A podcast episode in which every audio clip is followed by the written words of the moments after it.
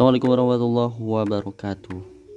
Kesempatan kali ini kita akan membicarakan yang sedang lagi hangat, yang sedang yang eh yang sedang yang sedang yang sedang hangat dibicarakan oleh banyak orang yaitu tentang fitur terbaru di Instagram yaitu Reel. Reel, ya apa ya bahasanya? Ya intinya Reel.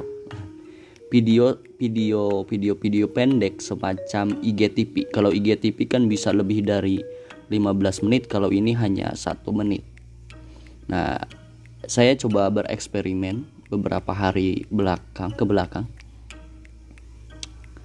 Yang pertama saya coba posting dengan bentuk uh, potret bukan landscape ya.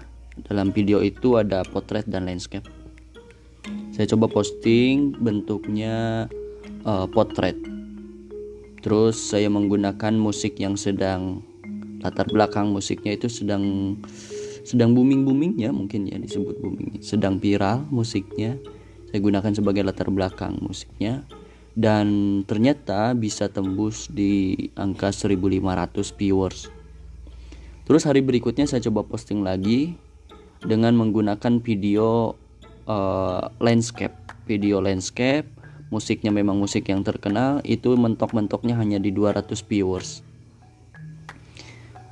Terus hari berikutnya lagi saya coba posting lagi pakai landscape lagi.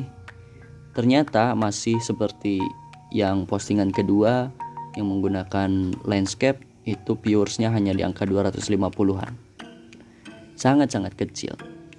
Dan beberapa hari berikutnya saya coba posting lagi bentuknya uh, potret lagi menggunakan musik yang terkenal lagi yang sedang viral lagi sebagai backsoundnya dan ternyata tembus lagi seribu. Kenapa ini bisa terjadi? Ternyata Instagram punya standarnya tersendiri untuk posting di reel itu.